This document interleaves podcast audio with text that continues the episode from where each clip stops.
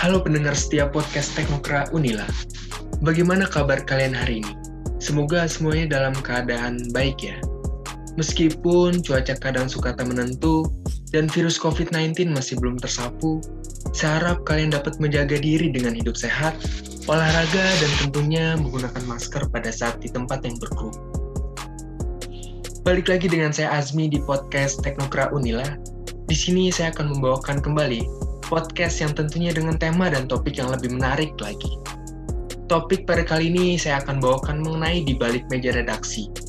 Tema kali ini ialah menceritakan perjalanan dan pengalaman reporter Teknokra Unila dalam menyusun liputan mengenai karut-marut demokrasi kampus.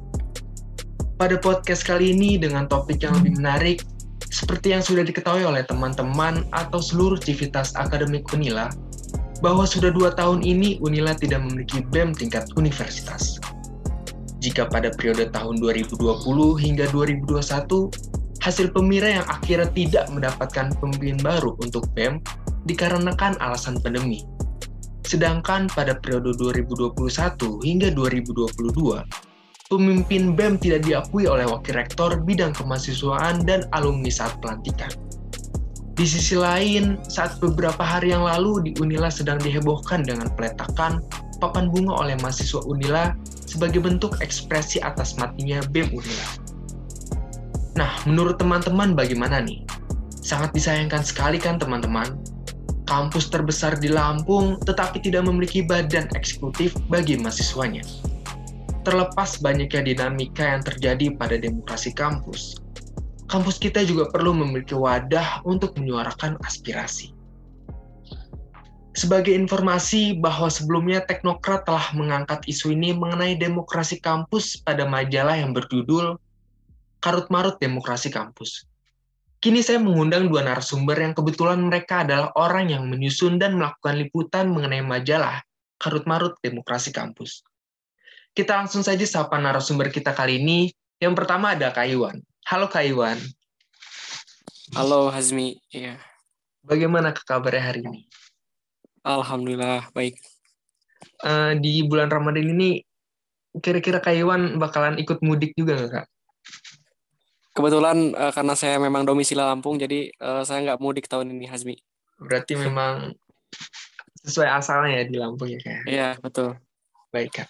Untuk informasi tambahan bagi teman-teman pendengar Teknokra podcast kali ini, bahwasanya Kaiwan eh, saat ini menjabat sebagai pemimpin umum di UKPM Teknokra pada tahun 2022. Dan beliau juga sebagai orang yang ikut merangkum dan me, apa, membuat majalah Karut Marut Demokrasi kampus ini. Dan pada saat itu Kaiwan menjabat sebagai redaktur artistik. Bukan begitu Kaiwan? Iya betul Asmi. Jadi waktu itu saya menjabat sebagai redaktur artistik. Ya dan nanti kita akan tanya-tanya lebih lanjut mengenai job desk dan pengalaman Kaiwan selama membuat karut marut demokrasi kampus majalah itu. Dan yang kedua kita ada narasumber yaitu Karido. Halo Karido. Halo Asmi. Bagaimana kabarnya Karido hari ini? Alhamdulillah baik, sehat. Alhamdulillah ya. Untuk Karido sendiri ikut mudik atau enggak kak? Kebetulan uh, selaras dengan Ihwana, uh, domisili juga di Lampung, jadi ya tetap di sini Asmi. Oh, tetap di sini ya berarti ya. Nah, untuk informasi tambahan nih untuk Karido sendiri kan bagi teman-teman pendengar Teknokra ini, Karido sendiri pada saat um, menjabat merangkum majalah Karut Marut Demokrasi Kampus, Karido menjabat sebagai staf artis artistik ya Karido ya? Iya, betul Asmi.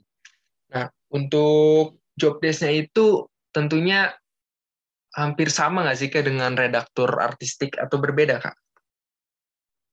Ya, sebe sebenarnya hampir sama ya, tapi uh, dalam artian redaktur artistik itu lebih tinggi jabatannya dibandingkan staf artistik. Jadi di sini staf artistik itu kurang lebih mengerjakan hal-hal dasar lah dan kemudian uh, kita ajukan kepada redaktur artistik untuk uh, melakukan pengecekan uh, apakah karya-karya artistik itu memang layak uh, untuk diterbitkan di Teknokra. Seperti itu Asmi.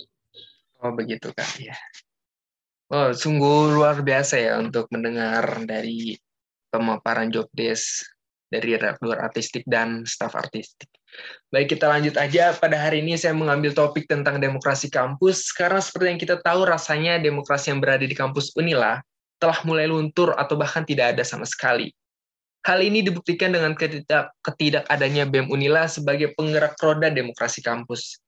Sedikit perjalanan dari reporter yang meliput tentang permasalahan awal hilangnya demokrasi kampus, Unila akan saya bawakan pada podcast kali ini. Bersama dua narasumber kita pada hari ini akan menceritakan kisahnya dalam membuat majalah berita mengenai karut-marut demokrasi kampus di Unila. Langsung saja kita tanyakan kepada Kayuan terlebih dahulu. Untuk Kayuan, halo Kayuan. Ya, halo Hazmi, gimana? Baik, Kak. Kalau kita membahas tentang demokrasi kampus ya, sebelum kita fokus ke pembahasan utama, menurut Kak Iwan sendiri, demokrasi kampus secara umum itu bagaimana sih, Kak? Oke, jadi umumnya ya yang kita tahu sedari mungkin yeah. sekolah dasar mm-hmm. bahwa uh, kita mengenal istilah demokrasi itu sebagai bentuk pemerintahan ya, dari rakyat oleh rakyat dan untuk rakyat. Jadi uh, dalam hal ini uh, dalam demokrasi itu semua warga negara memiliki hak yang sama untuk pengambilan keputusan seperti itu yang dapat mengubah hidup mereka. Dan yang menjadi hal yang paling penting dalam demokrasi itu adalah Eh, bahwa setiap individu, setiap orang itu harus diberikan kebebasan dalam berpikir, bebas berargumen dan juga bebas berpendapat selama memang selama memang itu uh, positif dan bersifat membangun. Lalu jika dikaitkan gitu ya dengan lingkungan, uh, apakah setiap lingkungan memiliki demokrasi yang sama gitu? Mungkin secara aturan seharusnya memang sama ya, karena demokrasi itu yeah. Iya. adalah sebuah sistem pemerintahan. Tapi dalam prosesnya atau dinamiknya itu pasti tentu berbeda. Iklim demokrasi kampus tentu akan berbeda dengan iklim demokrasi negara yang begitu luas. Begitu juga iya. sebaliknya. Yeah. Mungkin itu Hazmi. Wah, luar biasa sekali pemaparan di Kaiwan. Yang bisa Azmi yang bisa saya garis bawahi yaitu demokrasi adalah menyampaikan pendapat secara bebas ya. Di mana pendapat itu masih dibilang sebagai pendapat yang positif dan baik ya. Dan itu bisa kita lihat bersama-sama di negara kita Indonesia tercinta bahwa belakangan ini saat banyak sekali gitu masyarakat yang mengungkapkan pendapatnya secara bebas dan aktif itu. Yang terpenting adalah pendapat itu positif gitu. Nah, selanjutnya menurut Kak Iwan sendiri, demokrasi kampus yang ada di UNIL ini seperti apa sih Kak saat ini? Ya, uh, ini minta pendapat saya terkait demokrasi kampus di Unila ya? Iya, benar. Oke, ini kalau boleh jujur, mungkin uh, pertanyaan ini sama dengan pertanyaan yang diajukan oleh jurnalis IDN Times waktu itu ya pada saya beberapa yeah. waktu lalu. Jadi kalau pendapat saya tentang iklim demokrasi kampus di Unila saat ini, saya bilang ada pada masa-masa yang sangat kritis gitu. Kenapa saya katakan demikian? Ya karena eh, akhir-akhir uh, ini kita ada banyak sekali polemik-polemik ya, ataupun serangkaian aturan yang menyalahi aturan demokrasi katakanlah seperti itu. Saya ambil uh, salah satu contoh tentang perumusan peraturan rektor atau pertor yang eh, baru-baru ini terjadi ya. Yeah. Dan di sana pertor itu membahas segelumit aturan tentang organisasi kemahasiswaan termasuk uh, di dalamnya itu ada UKM, BEM dan juga DPM. Nah, mm uh, yang jadi masalah ya jika memang para petinggi kita itu mengedepankan penerapan demokrasi, ya seharusnya uh, mereka meminta kami para mahasiswa khususnya teman-teman UKM, BEM dan juga DPM itu ikut andil gitu, juga dilibatkan di dalam perumusan pertor ini. Bukan hmm. sudah disahkan baru dikasih tahu. Nah, itu menurut saya salah ya. Dan hmm. karena mau bagaimanapun apa yang ada di dalam peraturan rektor itu menyangkut keberlangsungan dari teman-teman Ormawa di Unila gitu. Kemudian hmm. jika kita kaitkan uh, dengan demokrasi ketiadaan BEM yang sekarang ini gitu ya kalau yeah. saya menilai ini adalah sebagai mahasiswa Unila gitu, uh, saya melihat ketidakikutsertaan BEM Unila dalam gerakan-gerakan mahasiswa pada saat gencar-gencarnya demo kemarin-kemarin itu adalah apa ya adalah cerminan gitu dari kebobrokan iklim demokrasi kampus Unila. Yeah. Jadi kalau di dalamnya saya sudah tidak beres ya bagaimana kita bisa mengkritisi kebijakan publik itu. Menurut saya yeah. benahi dulu internal baru kita bisa kritis. Seperti itu Mi. Iya, yeah, benar Kak saya setuju sih bahwasanya kita juga harus melihat secara internal ya kita harus bisa membenahi juga uh, dapurnya kita itu sendiri sih yang tadi Kak Iwan udah jelasin bahwa kita tuh harus bisa merangkum bersama-sama gitu, berdiskusi bersama-sama. Jadi jangan asal memutuskan sendiri gitu ya suatu permasalahan. Apalagi ya, nilainya sebagai bentuk demokrasi harus ada musyawarah lah di dalamnya begitu ya Kak Iwan. Dan juga dengan adanya pergerakan BEM yang tidak ada sama sekali pas ada gencar-gencar demo kemarin tuh sebagai bentuk perwujudan juga bahwasanya BEM kita tuh sedang kurang baik-baik aja, bukan begitu Kak Iwan? Iya betul sekali, Mi. Betul. Baik, selanjutnya saya akan menanyakan Kak Karido nih. Halo Kak Rido. Halo Asmi. Oh, Kak. Kalau tadi kan Kak Iwan udah menjelaskan tentang demokrasi kampus secara umum ya, demokrasi secara umum. Kalau menurut pendapat Kak Rido sendiri, demokrasi kampus secara umum bagaimana sih Kak?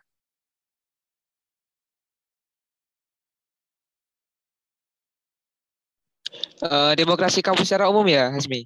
Iya. Uh, sebenarnya kurang lebih ya uh, kalau kita melihat uh, kata demokrasi ya, yang pasti uh, kita tidak melupakan uh, kata atau garis besarnya itu rakyat.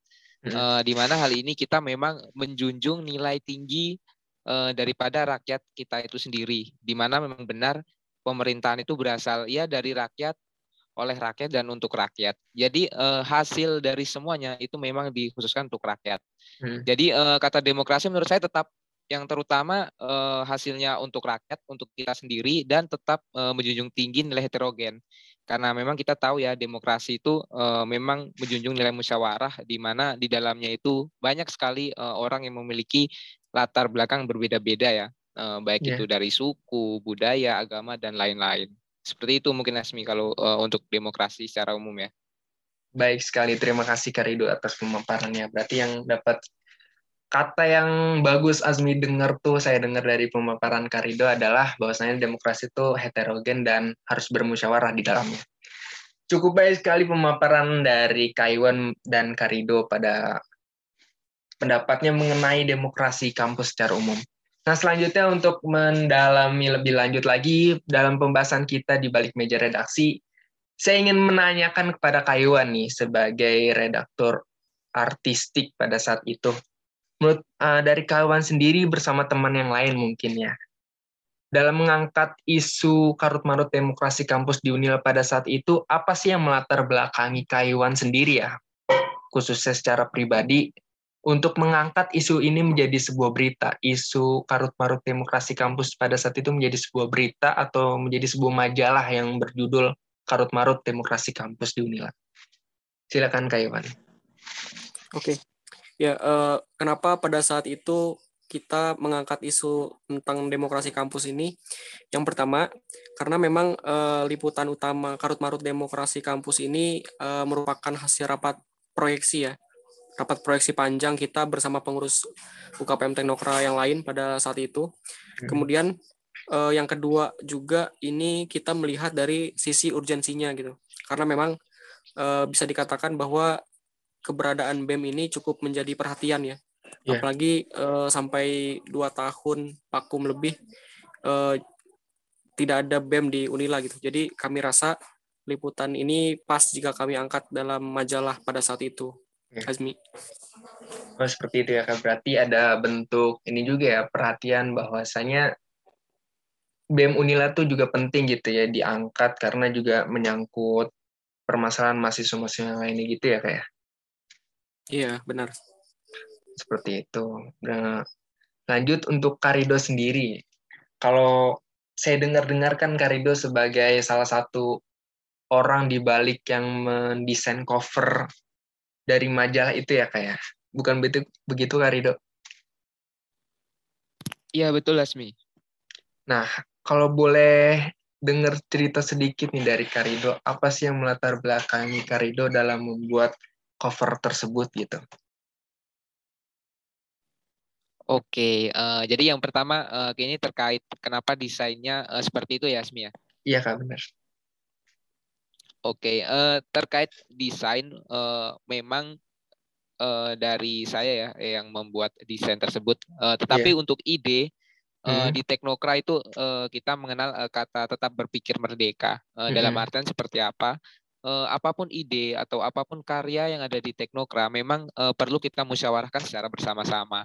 Jadi uh, sistemnya hampir sama dengan rapat proyeksi ataupun pengangkatan berita tadi ya terkait uh, pemira di mana iya. uh, dalam pembentukan ataupun pencetusan ide terkait cover itu memang dirapatkan secara bersama-sama baik oleh iya. pengurus maupun magang di mana nanti uh, terdapat satu garis kesimpulan terkait cover uh, baru uh, kita dari artistik bisa mengerjakan cover tersebut. Seperti itu Asmi kurang lebih.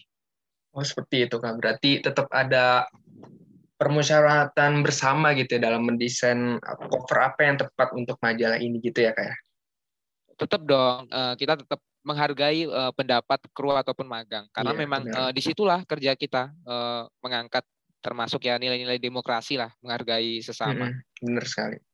Itulah pentingnya ada saling menghargai satu sama lain ya kayak. Ya betul. Uh, untuk durasinya sendiri kak, mulai dari perumusan nih hingga cover ini selesai gitu, itu berapa lama sih kak waktu itu perancangannya? Kalau waktu itu kurang lebih uh, tiga hari ya, Asmi. Dan memang hmm. kalau di Teknokra uh, dari ini dari tahun ke tahun memang dari meja redaksi itu kalau untuk cover membatasi maksimal yeah. Uh, paling lama itu tiga hari memang. Oh tiga hari ya, berarti lumayan cepet ya kalau menurut saya. Ya memang uh, kita berpacu dengan waktu dan kemudian uh, melatih kita untuk dapat ya bekerja secara profesional seperti yeah. itu. Benar-benar sekali. Nah, untuk dari Karido sendirinya, sepengalaman Karido dalam membuat cover majalah itu, ada nggak sih hambatan yang cukup berarti dalam membuatnya gitu? Mungkin seperti device-nya atau semacamnya, ada nggak sih, Kak? Waduh, kalau ini uh, untuk setiap artistik menurut saya pasti ya uh, hmm, pasti iya. kita memiliki beberapa kesulitan terkait pembuatan cover. Tentunya yang pertama itu uh, kesulitannya kalau ide tadi kita udah ini ya Hasmia udah sedikit tertolong lah ibaratnya yeah. banyak dari masuk-masukan terkait benar, uh, apa. Benar. Sekarang kan lebih ke teknis karena idenya kan udah dapet nih. Yeah. yang pertama itu pasti uh, terkait kendala masalah yaitu intelektual pribadi dalam artian uh, seberapa handal kita menguasai uh, tools ataupun aplikasi yang kita gunakan untuk membuat uh, cover tersebut. Karena memang teknokrat kan uh, kita karya apa pun, sekecil apa pun, uh, kita menghargai karya kita sendiri. Dalam artian yeah, memang yeah. kita tidak mengambil template-template uh, yang berasal dari beberapa aplikasi ya yang disediakan, mm -hmm. tapi kita uh, membuatnya sendiri. Uh, kalau di teknokrat sendiri, terkait itu memang kita menggunakan beberapa aplikasi bisa menggunakan Adobe Illustrator ataupun Corel Draw dan kebetulan oh, iya. karena memang saya e, bisanya di Adobe Illustrator e, jadi memang saya mengerjakannya menggunakan Adobe Illustrator dan saat itu memang kendala yang saya hadapi yang pertama membuat desainnya e, saya waktu itu membuat desain e, desain kasar ya e, sketsanya yeah, di yeah. kertas itu satu malam. Memang wow. agak lama ya. yeah, satu yeah. malam. Kemudian mengimplementasikan ke Adobe Illustrator itu satu hari. Kemudian satu hmm. harinya lagi itu pemolesan, di mana memang pemolesannya waktu itu uh, saya membutuhkan uh, aplikasi Corel memang. Nah di situ yeah. saya agak terhambat Asmi, karena memang saya hanya menguasai Adobe Illustrator. Jadi oh, memang gitu, ya. kan bantuan dari ya mungkin uh, presidium atasan-atasan di teknokra terkait pembuatan cover. Karena memang oh, gitu. di artistik selain ide ya, menurut saya tetap yeah. Iya. uh, tools yang kita gunakan itu sangat berpengaruh mengingat banyak hmm. sekali kan tools Adobe Illustrator. Dan saya sendiri secara pribadi memang belum menguasai semuanya. Jadi masih tetap kita uh, membiasakan jam terbang kita, kebiasaan kita uh, agar pembuatan karya-karya artistik ya tetap berjalan. Seperti itu. Oh, seperti itu ya kayak berarti uh, yang berarti itu adalah kepemahaman kita terhadap tools-tools dalam aplikasi tersebut ya, skill-skill kita, pemahaman kita. Ini tools ini gunanya buat apa sih, manfaatnya buat apa sih dan yaitu yang bikin membantu kita mempercepat pekerjaan kita gitu ya kayak.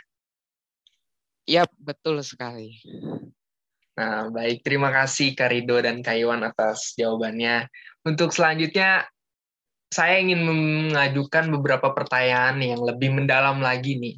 Ini lebih ke pengalaman dari Kaiwan maupun Karido pada saat melakukan liputan atau merangkap majalah yang berjudul Karut Marut Demokrasi Kampus di Unila.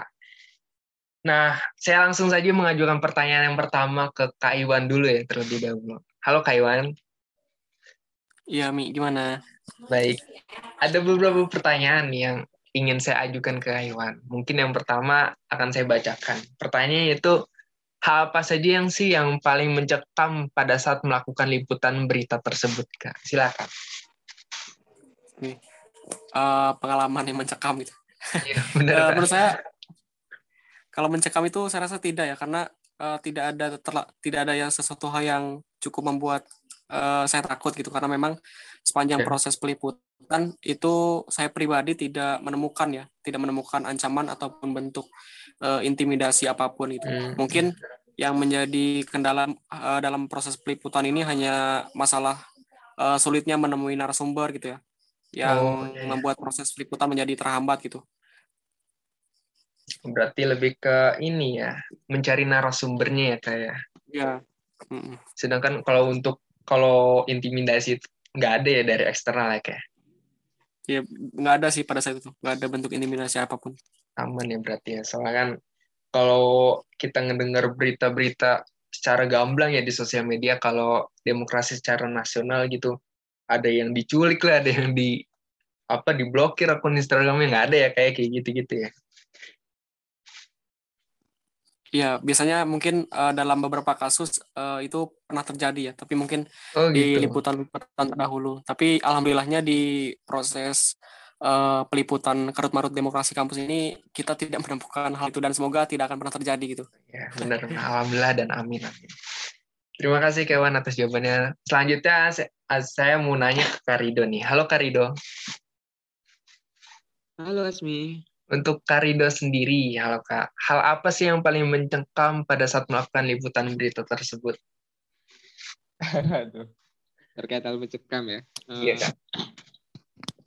Sebenarnya uh, untuk mencekamnya belum terlalu ya, maksudnya uh, saya belum mencapai tahap itu ya, ibaratnya ya yeah. mungkin uh, memang narasumbernya yang belum sampai ke situ ya. Cuma kalau untuk arah-arahnya ke sana ya memang saya menemukan dua hal yang memang uh, harus kita perhatikan sebagai seorang jurnalis. Mm-hmm. Yang pertama pada waktu peliputan itu kebetulan uh, saya mendapatkan bagian ya uh, untuk mewawancarai Presma dan Wapresma tiga tahun terakhir, uh, di mana saya menemukan yang pertama memang uh, ada serangan sedikit pada saat saya mewawancarai Presiden mahasiswa Unila yang hmm. tahun 2019 di mana kan memang waktu saat itu uh, saya menyelidiki beberapa tindakan seperti KKN ya. Yeah. Uh, di mana ya seperti korupsi, kolusi dan nepotisme itu. Uh, saya melihat memang ada track recordnya uh, di pada kabinet saat itu. Dan yeah. memang setelah saya tanyakan, saya ajukan pertanyaan ke presmanya, saya diserang seperti beberapa perkataan. Itu. Kenapa Anda bisa uh, mengeluarkan argumen seperti itu? Dari mana anda mendapatkan bukti itu seperti itu ya Hasmi dan itu hmm. yang menjadi memang saya langsung berpikir wah ya juga ya saya berpikir kayak gitu dan karena memang uh, untuk liputan utama ya memang di Teknokra itu untuk liputan utama selalu hal-hal yang krusial di mana yang agak menakutkan lah bisa dibilang agak mengancam yeah, yeah. jadi sebelum saya melakukan wawancara saya telah mengumpulkan beberapa data memang uh, yeah, yeah. itu data itu saya dapatkan baik melewat email, kemudian Instagram uh, ataupun Facebook dan lain-lain. Uh, saya mengumpulkan data sebanyak mungkin, baik itu men, uh, kabinetnya, kepala yeah. menterinya, semua sampai anggota, nama, jenis kelamin dan lain-lain. Di mana pada saat itu data-data yang saya dapatkan bisa saya ajukan kembali kepada Presma yang berusaha menyerang kita atau uh, berusaha ada itikat untuk melawan balik ke kita lah agar hmm. informasi hmm. tidak bocor lah. Dan yeah. saya tunjukkan ini kak uh, bukti saya pada saat itu kabinetnya ini kemudian uh, kepala menterinya si A, si B, si C, jenis kelaminnya ini fakultas ini. Dan di saat itulah narasumber kita langsung terdiam. Dalam artian memang sebagai seorang jurnalis uh, sebelum kita terjun lapangan wajib menurut saya untuk observasi, apalagi untuk isu-isu yang agak berbahaya ya. Yeah. Itu yang pertama. Kemudian uh, ancaman yang kedua, saya menemukan uh, pada saat saya mewawancarai wakil presiden mahasiswa pada tahun 2019 kalau uh, kalau tidak salah.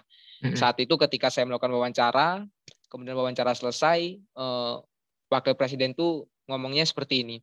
Nanti ini ya uh, beritanya sebelum diterbitin kirim ke saya dulu ya, biar saya cek. Itu Asmi. Itu yeah, itu yeah. suatu tindakan yang tidak diperbolehkan. Dalam artian seperti apa? Ada beberapa memang reporter yang mungkin mungkin kalau di Teknokra bisa dibilang magang lah ya karena baru awal. Di mana ketika mendapat eh, kata-kata uh, seperti itu, uh, berita yang kita tulis langsung diserahkan kepada narasumber. Itu sangat salah besar. Salah sangat ya? salah. Salah itu. Uh, kita tidak boleh memberikan uh, berita itu uh, yang penting dalam artian seperti apa? Kita menulis sesuai dengan yang diucapkan oleh narasumber, sesuai dengan bukti yang kita dapatkan. Tetapi hmm. kita tidak boleh memberikan berita tulisan kita kepada narasumber untuk dicek baru kita upload. Itu sangat yeah. kejadian yang fatal ya. Jangan sampai hmm. itu terjadi. Mungkin kalau un untuk ancaman dua itu sih Asmi dan yeah, yeah. memang ini perlu diperhatikan karena di jurnalistik kan ada hak tanya, hak koreksi kan, hak jawab. Jadi hmm. menurut saya manfaatkan tiga hal itu. Jangan sampai uh, kita sebagai seorang jurnalis kurangnya pemahaman, kemudian kurang observasi dan juga mental ya, mentalnya yang kurang. Ini akan mengganggu kinerja kita dan juga berita yang kita terbitkan. Ya, Seperti itu sih Asmi. Kalau untuk Benar halangan ya. ya mungkin ya. dua itu yang saya alamin waktu liputan yang kemarin tuh. Iya kak, iya. Cukup menarik ya dari ceritanya. Apalagi yang poin kedua tuh kalau bisa Azmi simpulkan dari pemaparan Karido itu untuk mempertahankan agar berita yang kita buat tuh bersifat faktual ya kayak ya. tidak diubah-ubah gitu dan ya betul sekali ya yeah. betul betul dan untuk ancaman sendiri berarti tetap masih ada ya di beberapa waktu krusial gitu meskipun secara verbal verbal gitu tidak secara langsung tersirat gitu itu tetap masih ada ya dan sebagai jurnalis harus mempersiapkan data-data tersebut ya agar dapat membackup diri kita juga gitu apabila diminta hal-hal seperti itu ya kayak. Betul Asmi, uh, betul betul. Itu sangat uh, sangat harus diperhatikan. Karena uh, kalau kita lihat pada saat itu ibaratnya saya belum menyiapkan data, mungkin wawancara saya selesai sampai di situ yeah, dan yeah. beritanya tidak akan terbit. Karena memang ada beberapa narasumber yang ibaratnya nih uh, seseorang yang merasa terancam, dia pasti mm -hmm. akan melindungi diri dong seperti itu. Iya, yeah, benar, benar. Tujuan kita kan jurnalis itu uh, bukan kita ubah perspektifnya, bukan memberitakan yang buruk, mm -hmm. tetapi memberitakan yang dibutuhkan oleh halayak luas. Mm -hmm. Itu. Yeah. Kita memikirkan dampak ke belakangnya seperti itu, Asmi. Iya, yeah, benar kak. Nih saya juga jadi dapat informasi baru ya tambahan itu ilmu buat saya juga gitu. Dan tentunya buat teman-teman pendengar teknokra juga dong ya. Nah selanjutnya untuk Kaiwan lagi nih kak. Azmi, saya mau nanya nih untuk Kaiwan. Halo Kaiwan. Iya masih tersambung nih siap. Masih tersambung kak ya. Pertanyaannya adalah hal apa sih yang paling seru atau menarik saat melakukan liputan media? Silakan Kaiwan. Oke. Eh, berbicara tentang pengalaman ya, pengalaman seru dan menarik. Yeah. Yang pasti uh, yang saya rasakan itu ketika melakukan peliputan-peliputan panjang semacam ini, uh, yaitu cukup memacu adrenalin ya saya rasa karena mm uh, mau nggak mau ya kita harus siap gitu berhadapan dengan banyak narasumber yang mungkin uh, punya jabatan dan pengalaman lebih tinggi di atas kita. Mungkin uh, ditambah lagi jika tulisan kita bisa berdampak gitu terhadap lingkungan sekitar kita. Saya rasa itu bisa menjadi kebanggaan tersendiri bagi setiap jurnalis gitu. Mungkin uh, Asmi bakal nanti merasakan uh, bagaimana proses peliputan panjang dan menurut saya itu uh, tergantung jam terbang ya. ya semakin yeah. kita sering melakukan peliputan, uh, selak, uh, semakin sering kita menulis itu semua akan terasa dengan sendirinya. Seperti yeah. itu. Seperti itu ya kak. Jadi hal menarik itu secara batin adalah ketika tulisan yang kita buat dapat bermanfaat gitu, dampaknya dapat positif untuk kayak ramai gitu ya kayak. Iya. Baik, terima kasih Kak Iwan atas jawabannya. Selanjutnya saya mau nanya lagi ke, ke Rido nih Kak. Halo Kak Rido. Halo Asmi, oke. Okay. Untuk Kak Rido sendiri nih Kak, hal apa sih yang paling seru atau menarik saat melakukan liputan media? kalau untuk saya pribadi ya, kalau untuk peliputan yeah. media yang menarik, kalau untuk pengalaman, kemudian hal-hal yang uh, mencekam, menunggu, itu menurut saya udah uh, udah hal yang biasa ya. Uh, ibaratnya yeah. kita tidak perlu mempertanyakan uh, itu ke dalam hal yang menarik. Tapi yang menurut saya menarik itu yang pertama memang bukan yang pertama sih, memang yang utama. Yang utama untuk menambah relasi. Yeah. Bahkan uh, sampai sekarang karena kan memang kita dilatih uh, setiap untuk wawancara itu minimal setelah wawancara kita meminta kontak narasumber dalam artian uh, jika nanti ada informasi yang kurang atau yang kita masih bingung, kita bisa menghubungi kembali. Nah, dari hal itu ketika kita sering liputan, kita mendapatkan relasi di mana-mana dan yang diuntungkan bagi seorang mahasiswa ya, kita bisa mendapatkan kontak yang mungkin pejabat ataupun iya, iya. orang-orang yeah, yeah. rektorat ataupun orang-orang penting ya di kampus baik itu mahasiswa mm -hmm. ataupun dosen. Dan itu yang menurut saya uh, menjadi poin plus atau hal yang menarik. Kalau untuk liburan, jalan-jalan ketika liputan itu menurut saya bonus sih, Asmi. Iya, iya. iya. Berarti menurut dari pandangan Karida sendiri hal yang menarik adalah ketika kita bisa membangun relasi yang baru dengan orang yang baru gitu ya. Bukan hanya dari kalangan mahasiswanya, melainkan dari kalangan yang mungkin jabatannya lebih tinggi dari kita gitu ya. Dan dari kalangan mana pun. Seperti itu ya kayak. Ya, betul sekali Asmi. Terima kasih Karido dan Kaiwan atas jawabannya. Baik, itulah cerita yang dapat diungkapkan langsung oleh dua narasumber kita hari ini, mulai dari pengalaman mencengkam hingga keseruan dalam melakukan liputan demokrasi kampus tersebut, dan hal tak terduga lainnya. Saya selaku pembawa acara pada kali ini mengucapkan terima kasih banyak kepada Kaiwan dan Kari, Karido yang telah meluangkan waktunya untuk dapat berbincang dan menceritakan pengalaman pribadinya ketika meliput berita tersebut. Dan pastinya itu akan menjadi informasi baru kepada pendengar podcast Teknokrat. Selanjutnya saya juga ingin mengucapkan terima kasih banyak kepada pendengar yang telah setia mendengar obrolan kita pada hari ini dari awal hingga akhir. Semoga cerita tersebut dapat menginspirasi kalian untuk menjadi seorang jurnalis atau seorang pelaku demokrasi yang baik dan teratur.